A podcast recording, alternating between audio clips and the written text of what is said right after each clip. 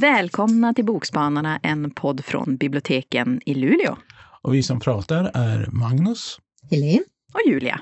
Wow! Eller hur? Och idag är det ju ett verkligen spännande avsnitt för vi ska prata om våra bästa böcker 2022. Äsch, jag tror det var 23. ja, de har vi ju sett fram emot att läsa. Mm. Ja, vad bra. Jag har svårt att tänka mig att det kan bli något bättre än de jag har. Men det tycker du ju alltid. Ja, jag vet. Eller hur? Eh, vad har du för tips för ja, bästa bok? Jag fick fundera ett tag mm. faktiskt innan jag bestämde mig för vilka jag skulle ta. Men en som var riktigt självklar, det var ju Mitt stora vackra hat, en biografi över Victoria Benedictsson av Elisabeth Åsbrink. Eh, och här har ju Elisabeth Åsbrink vävt samman information som finns om Victoria Benediktsson och hennes samtid och har skrivit en fantastiskt riktigt porträtt av en av våra stora författare. Och det är faktiskt en av de bästa biografierna jag har läst.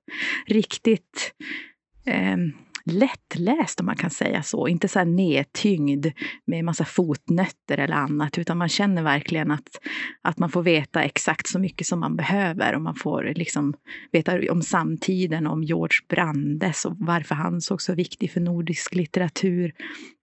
Och just då sen kopplingen dem emellan. Och jag tyckte det var riktigt, riktigt bra. Mm. Har någon av er läst någon bra biografi i år? Alltså, jag har läst en bok som är klassad som en roman, men det är inte en roman, det är faktiskt en biografi. Och den här boken tycker jag är årets viktigaste bok. Den är också väldigt bra skriven.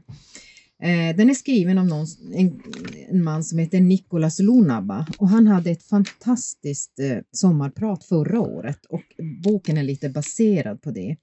Nicolas Lunaba han arbetar med utsatta barn och han, han har varit med och startat en förening som heter Hela Malmö. Och han har jobbat som baskettränare för de här pojkarna framförallt där det som är bor i utsatta områden. Han är själv, hans mamma kom, nu kommer inte jag ihåg från vilket land, men hans, eh, han har inte haft det så lätt själv när han växte upp och hans mamma dog när han var i gymnasieåldern. Han blev hemlös då och det var en snäll vaktmästare som lät honom sova i en skolsal när skolan var stängd. Men och därför känner jag att han, han vet vad han pratar om. Eh, och i det här hela Malmö, så när han jobbar som basketledare, så är det en speciell pojke, Elijah, som han tar hand om lite extra och som han själv säger, han steg över gränsen. För han lät den här pojken bo hos sig. Det var meningen först att han skulle sova någon natt hos Nikolas, men det blev på heltid. Och varför han gjorde det var för att han, han pratade med Elias mamma att hon skulle försöka ta hand om sig själv så att hon sen skulle kunna ta bättre hand om sin pojke. Hon hade alkoholproblem bland annat. Men som sagt, Elia fortsatte att bo hos Nikolas och eh, han är numera, det har gått jättebra för den här Elia. Han har blivit en känd basketspelare. Han fick stipendium i USA och pluggade där. Och när man läser den här boken så får man också, ja, jag måste säga att i slutet av boken så kommer det ett avsnitt där en ung pojke har blivit skjuten i huvudet i Malmö. Hans kompis är död. Han ringer till SOS Alarm och alltså jag var tvungen att läsa i små stycken därför att kvinnan som svarar på SOS Alarm Alltså jag skäms. Hon tror inte på den här pojken. Hur kan, du, hur kan du prata när du har blivit skjuten i huvudet? Och han säger snälla, jag håller på att tyna bort, ni måste komma och hjälpa mig. Alltså den, och det här är alltså på riktigt. Den här, det här samtalet har publicerats i tidningen när det hände och man, man rent skäms. Bara för att det ringer en ung man från ett område där de här utsatta lever så ska man inte tro på dem. Jag förstår inte, jag förstår inte att man törs strunta i det på sätt och vis. Och den här boken tycker jag att varenda svensk skulle läsa och framför allt våra politiker. Och framför allt ett parti. Kanske inte behöver säga vilket, men ni kan ju förstå vilket. Men som sagt, ni kan gå in och lyssna på Nicolas Lunabas sommarprat och den finns som ljudbok också. Han läser själv. Han har, han har blivit prisad för sitt arbete också vill jag bara säga. Han har bland annat hedersdoktor på Malmö universitet. Äh, det här är civilkurage och det är, den är gripande och den är väldigt bra skriven tycker jag. Blir du ledsen om jag dör, heter boken. Mm. Då kanske vi ska fortsätta på det här med upprörande. För om det här är 2022 års bästa bok, det vet jag inte, för den kom, har kommit liksom ganska sent. Men den påverkar mig i varje fall. Och det är Andreas Cervenkas Girigt Sverige, så blev folkhemmet ett paradis för de superrika. Och det är ju liksom en bok om nationalekonomi. Och det är liksom sådär, jag och nationalekonomi, yeah. eh, inte.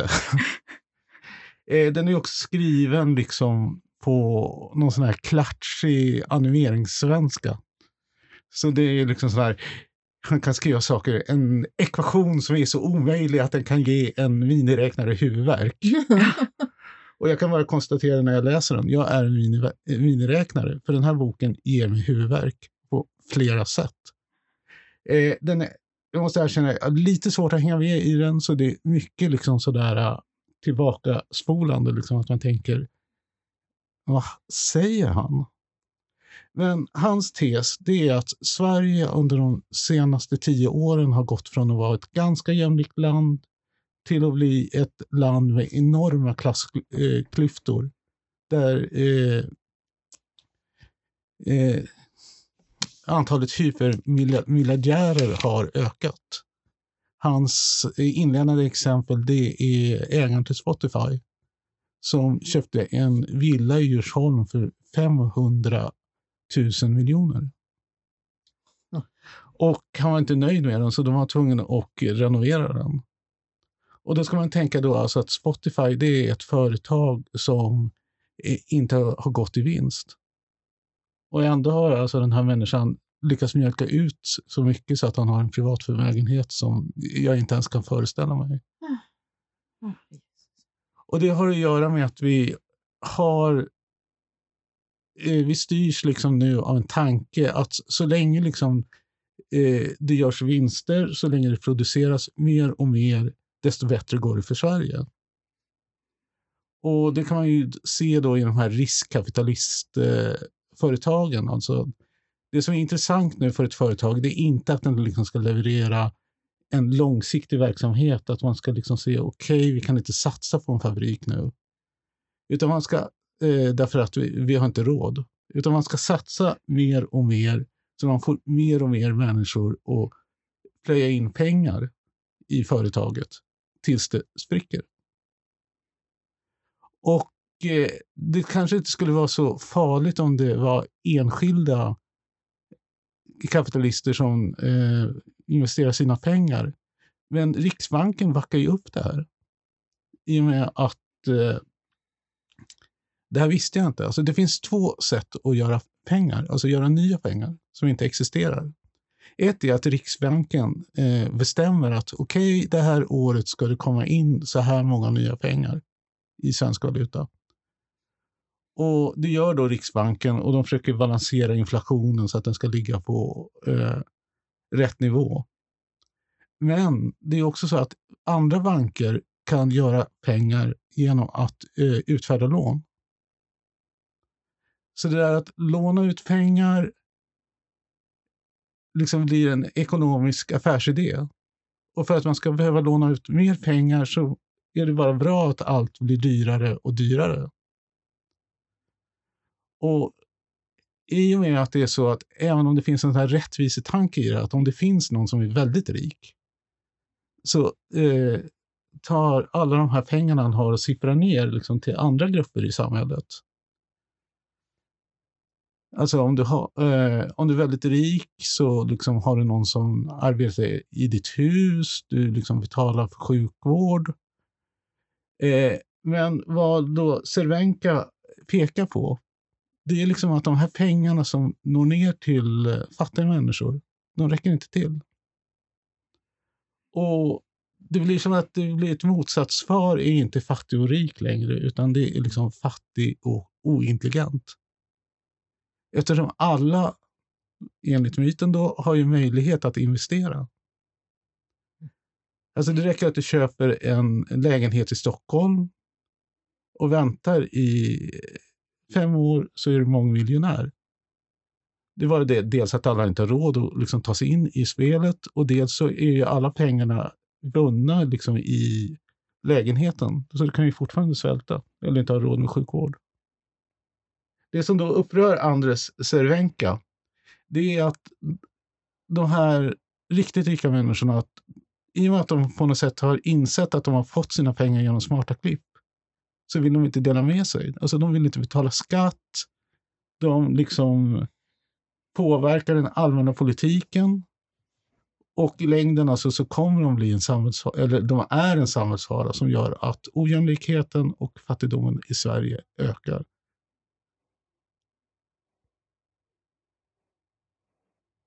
Och då blir det tyst. Det känns som att, att läsa den boken gör att man får högt blodtryck. Jo, alltså, jag kan komma på mig själv. Alltså, jag läser det och så tänker jag, ja, ja, det är ju så det är. Och så mm när jag står och diskar eller något sånt här så, men han tycker att han liksom inte vill betala lika mycket skatt som en sjuksköterska. Och det är ju också sådana här konstiga procentuella, alltså man leker med siffror hela tiden. Alltså en mångmiljonär blir upprörd därför att de betalar procentuellt mer i sin skatt än en sjuksköterska. Men att det då liksom på något sätt kostar mer för sjuksköterskan och betalar lika många procent än om man är mångmiljonär. Alltså det är ju en del av girigheten. Eh, Högt blodtryck. Liksom lägga mig ner tror jag. Låter som någonting som man inte vill läsa sträckläsa precis. Man Nej, behöver ta pauser. Och så just att det är liksom ekonomi och jag är totalt ointresserad av ekonomi. Så, alltså det krävs koncentration, det måste jag erkänna. Men det är många som verkar vara intresserade av den, mm. för vi har haft lång kö på biblioteket och det är ju inte mm. jättemånga faktaböcker som vi har lång kö på. Men det här är en av dem. Och det kan vara ett tecken på att samhällsklimatet håller på att eh, vända lite grann. För i och med att den här heter Gire Sverige, det är ingen tillfällighet, för han har anspelningar till Lort-Sverige, mm. som var en reportagebok på 30-talet mm. och som eh, är väl en av de grundkrafter som gjorde att folkhemmet kom igång. Mm. Så kanske det kan starta en ny våg av humanistisk politik och socialdemokrater som tar ansvar. Mm. Ja, man får hoppas på mer ansvar. Och min bok kan öka empatin, men det är ju mm. bra. Jo, mm. alltså det går hand i hand. Absolut. Ja, ja. jag vet inte riktigt hur jag ska fortsätta efter det här, men eh, då tänk, eh, den andra boken som jag tänkte på då som eh, årets bästa, det var Natten av Sara Gordon. Och här handlar det ju om en eh, laddad mor och dotterrelation. Det handlar om skrivande. Det handlar ju om en orolig mamma. Om att leva under stor press under lång tid. Och romanen börjar ju under en vaknatt när berättarens 14-åriga dotter försvunnit. Och då letar ju hon efter dottern och all energin och uppmärksamhet går till den här frånvarande dottern. Eh, och det berättas utan att vara eh, sentimentalt.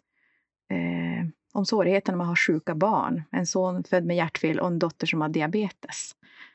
Eh, hon är ju orolig att dottern ska dricka och lägga sig någonstans och, och dö. Jag uppskattar det osentimentala, att det inte finns några rätta svar. Eh, slutet är inte ihopknutet med rosett. Det är fantastiskt språk, det är verkligen som intensivt, mångbottnat. Kan nog funka jättebra som bokcirkelbok. Jag skulle gärna läsa mer av Sara Gårdan. Och den är otroligt vacker bok också, ett akvarellkollage på framsidan. Mm. Har någon av er läst Sara Gården? Nej. Då, måste, då får ni har vi det kvar. Ja, eller hur? Då har ni det kvar. Jag hade däremot lite svårt när jag skulle ta en roman, för först tänkte jag på Lektioner i kemi av Bonnie Garmot som var en eh, debutant om kemisten Elisabeth Sott i 60-talets Kalifornien som fick ett eget eh, matprogram som var, jag tyckte den var årets bästa. Och det är den väl, ja den är näst bäst för nu alldeles nyligen, nämligen i förrgår, så avslutade jag en bok av en annan debutant från USA, Claire Lombardo, En lyckligare tid på 600 sidor. En riktig tegelsten, men oj vad jag hade önskat det var 600 sidor till. Det här var en bok som jag sögs in i den direkt och jag ville inte sluta. Jag var fullständigt eh, insupen i den här boken. Den handlar om Marilyn och David Sorensson som är eh, föräldrar till fyra barn och den spänner sig över ungefär 40 år. Och det här är en sån här bok som, alltså egentligen handlar den ju om livet, om ja, saker som händer och barn som har hemligheter för sina föräldrar och de här döttrarna är väldigt olika. En av döttrarna har en hemlighet som poppar upp sen i boken.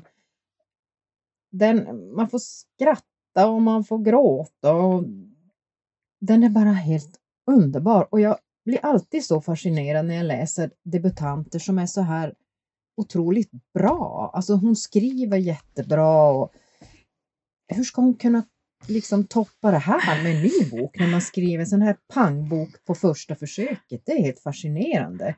Och förr i världen så var vi några kollegor som brukar säga Åh, nu har jag hittat en sån där riktig julbok. Och då menade vi en bok som var en sån där som när det var jul och man inte behövde göra så mycket, man kunde ligga där i soffan i timtal och bara försjunka i boken och försvinna i den här världen. Och det här är en sån bok. Det tycker jag verkligen. Claire Lombardos En lyckligare tid. Det låter ju ja, den är jättebra. Verkligen.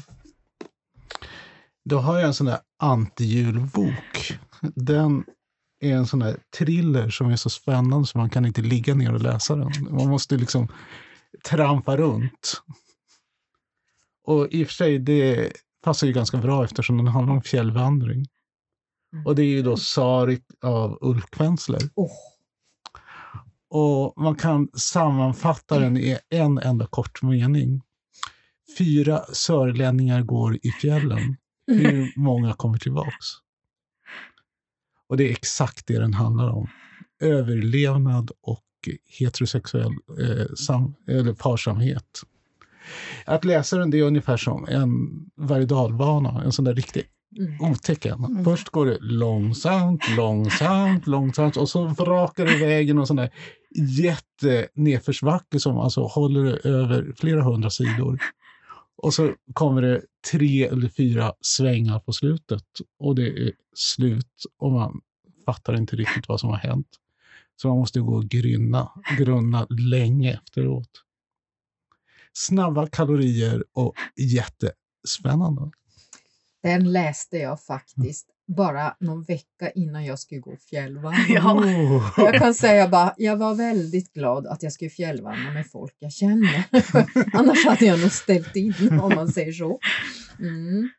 Det är en spänning på hög nivå. Ja. Både bildligt och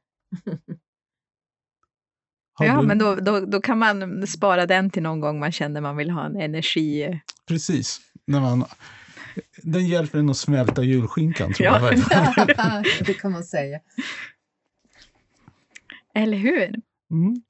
Nej, men ska jag fortsätta också med, med något som kan ge lite så här äh, dåliga eh, vibbar och spänningar? Eh, Sommarregn av Sarah Moss. Eh, faktiskt. Eh, översatt från engelskan av Rosmarie Nielsen. Och det här är ju en roman som utspelar sig under en regnig sommardag i skotska högländerna. Eh, I en sån här liten semesterstugby. Och det är semesterfirare från olika delar av landet som försöker ta sig igenom en grå, tråkig semesterdag. En sån där som alla är som uttråkade och, och eh, sliter på varann. Man är ett litet utrymme och alla är på lite dåligt humör. Men ju, här finns det också en familj som är annorlunda än de andra. Och under dagen så växer som den här känslan man har att jag tror inte det här kommer gå riktigt bra. Eh, så man, har, man får sådana här obehagskänslor också när man läser. Man, eh, för det döljer sig som saker under ytan här. Hon är så himla bra på att skriva, det är Sarah Moss. Um, ehm, och vi får ju mer och mer onda aningar. Och sen när kvällen kommer den här dagen, då händer det någonting. Um, som jag inte ska berätta vad det är, men det är riktigt, riktigt bra. Jag tycker man ska läsa den. Så Sommarregn av Sarah Moss. Mm. Då kan jag faktiskt prata om Havsörnens skrik av Karin Smirnoff. Det är en sån där bok som jag tänkte aldrig, jag ska aldrig läsa den.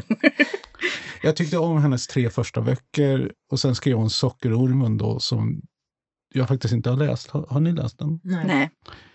Alltså den har nog lite för magstarkt in, innehåll för mig, har jag bestämt mig sådär fördomsfullt. Och sen gav hon sig på Millennium. Och jag har ju någon sån här ohälsosam millenniumberoende. Alltså jag tycker det är jättedåligt, jättetråkigt och det är liksom grafisk kvinnovåld och jag fortsätter att läsa det i olika varianter. Alltså jag har läst, sett alla filmerna, jag har läst minst två seriebearbetningar. Jag har läst originalböckerna. Äh, Lagerkrans böcker har jag faktiskt hoppat. Efter att ha läst den första som jag inte kommer ihåg vad den heter. Men det, där var det någon Lisbeth Salander som studsade runt som någon slags Lassie och äh, plockade upp babysar så att de inte skulle bli nedskjutna. Det är inte i min smak. Och så tänkte jag då, Karin Smirnoff skriver Millennium, det är väl verkligen sådär att sälja ut. Och det är det kanske, men om man säger något med Karin Smirnoff, hon kan sälja ut med stil. Och den stilen är gråmulen, sur och otillgänglig. Jag menar, aldrig har eh, herr Blomqvist varit så degig och så medelålders och så grå som i den här. Och Lisbeth Salander, hon sätts på eh, pottkanten av sin mycket vitska eh, brorsdotter som förklarar för henne i menande ton vad TikTok är. Och sen så far de till Rovaniemi tomteland, vilket är en höjdare i min eh, bok. Handlingen då? Ja, det får vi prata om någon annan gång. Det är liksom systerdottern som tar priset. Härligt! Och en hel hög med årets bästa. Eller, ja. eller hur? Kanske vi ska dra igen vilka böcker som vi tipsade mm. om. Ska jag börja kanske? Det kan du göra. Mitt stora vackra hat, en biografi över Victoria Benediktsson av Elisabeth Åsbrink. Den ska ni läsa. Sen har vi Natten av Sarah Gordon och Sommarregn av Sarah Moss. Och jag pratade om Nicolas Lunabas Blir du ledsen om jag dör? Och snabbt pratade jag också om Bonnie Garmouches lektioner i kemi. Men också lite längre om Claire Lombardos En lyckligare tid. Och jag pratade om Sarek av Ulf Kvensler, Girig-Sverige som blev folkhemmet ett paradis för de superrika av André Cervenka och eh, Havsörnens skrik av Karin Smirnoff. Ja, det här har ni fått. Riktigt, riktigt bra. Men det tips. fanns ju en massa andra böcker. Ja, men det får vi ta en annan gång. Ja. ja. Hej då. Hej då. Hej då.